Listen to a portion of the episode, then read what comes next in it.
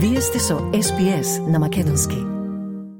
Во денешниот билтен, безбедносниот прекршок на аеродромот во Мелбун предизвика одложување пошто се очекуваат брановидни ефекти низ целата земја. Студенти по медицина, лекари и сојузната влада на состанок денеска во Камбера разгледуваат решение за недостигот на општи лекари. Промената на уставот по бугарски диктат е мешање во внатрешните работи на Македонија, изјави во Страсбур под председателот на ВМРО ДПМН Александар Николовски и закани за понатамошна остра озма, одмазда од Русија, додека светските лидери ги осудуваат незините последни напади врз Украина. На избис на Македонски следуваат вестите за 11 октомври 2022. Јас сум Радица Бојковска Димитровска. Останете со нас. Прекршок на безбедносните процедури предизвика хаос во аеродромот во Мелбурн, поради што повеќе летови беа одложени, а стотици патници мораа повторно да поминат низ процедурите за влез.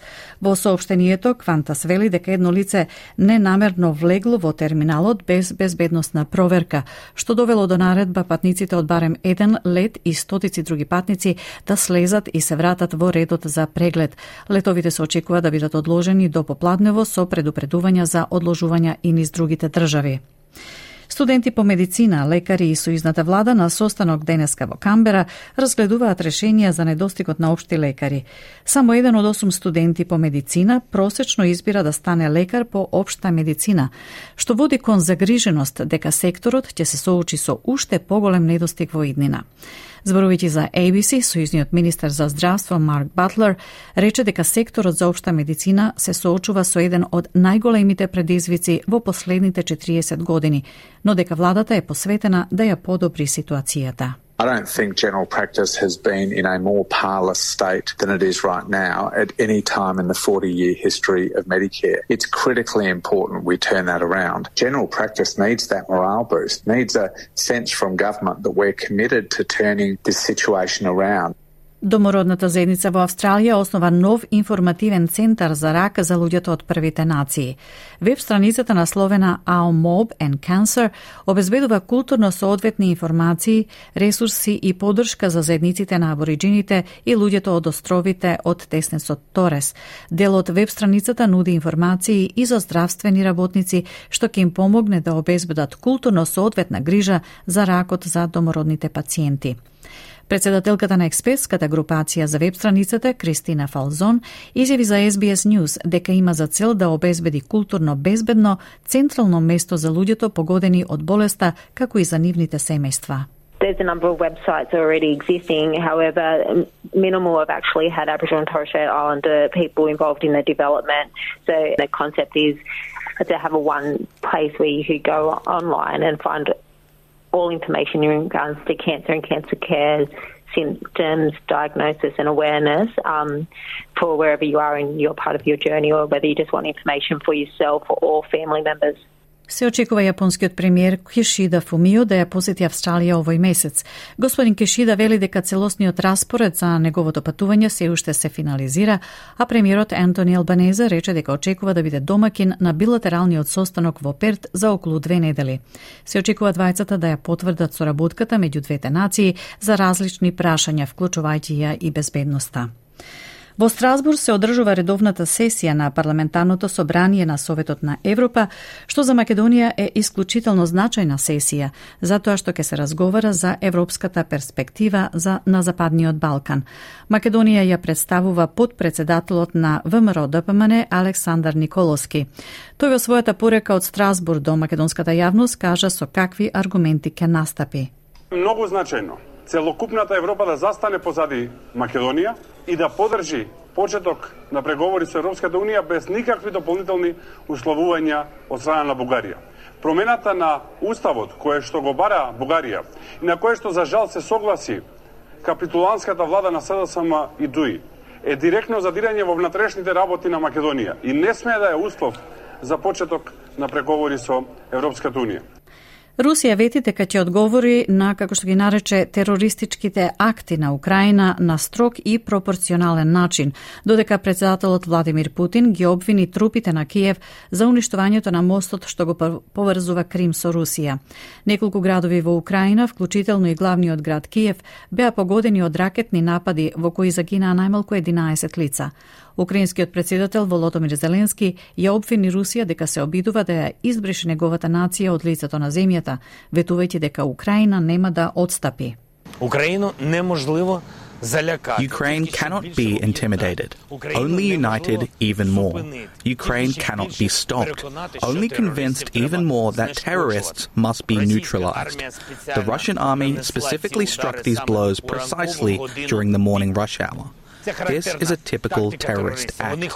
They wanted to instill more fear and affect more people. They did. The whole world took notice.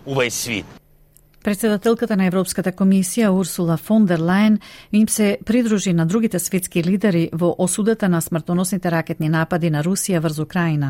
Двајца од најблиските трговски партнери на Русија, Индија и Кина, исто така изразија загриженост за ескалацијата на конфликтот од страна на Москва, отргнувајќи се од нивниот инаку неутрален став. Појавувајќи се преку видео со премиерката на Естонија, господица фон де Лајен, рече дека Русија уште еднаш покажала дека се залага за терор и бруталност, но потврди дека Европа стои зад Украина. I am shocked and appalled by the vicious attack on Kiev and other Ukrainian cities. Russia once again has shown to the world what it stands for. It is terror and brutality. Those who are responsible have to be held accountable.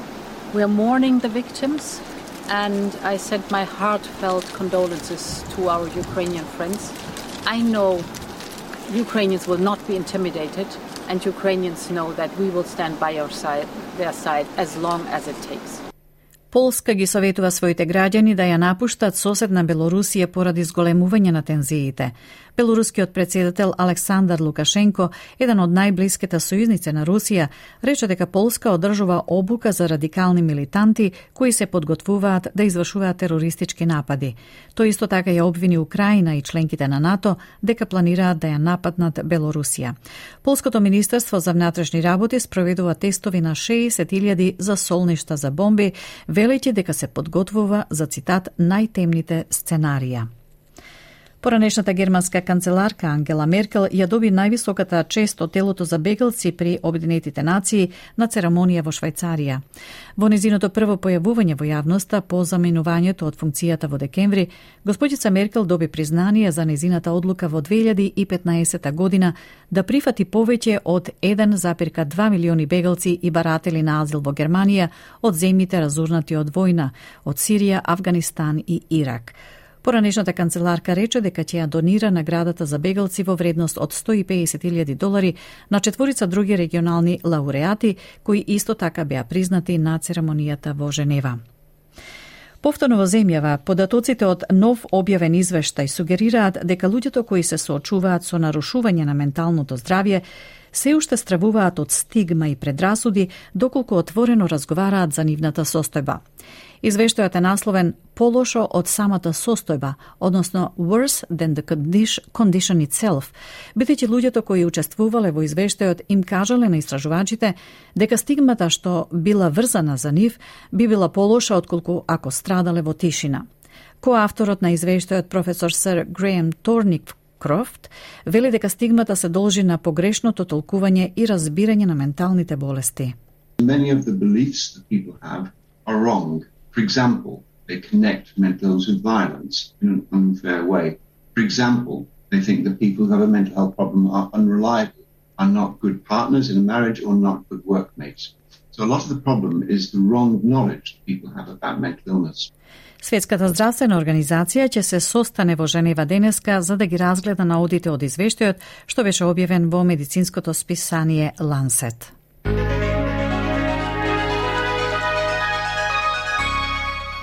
Од најновата курсна листа, денеска еден австралиски долар се менува за 0,65 евра, 0,63 американски долари и 39,66 македонски денари, додека еден американски долар се менува за 61,95 македонски денари, а едно евро за 60,32 македонски денари.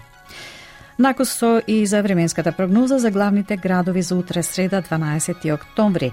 Перт претежно сончево, максималната ќе се искачи до 21 степен, Аделаид краткотрени слаби врнежи максимална 17. Услови за дожд за Мелбун 21, Хобарт слаби повремени врнежи 20.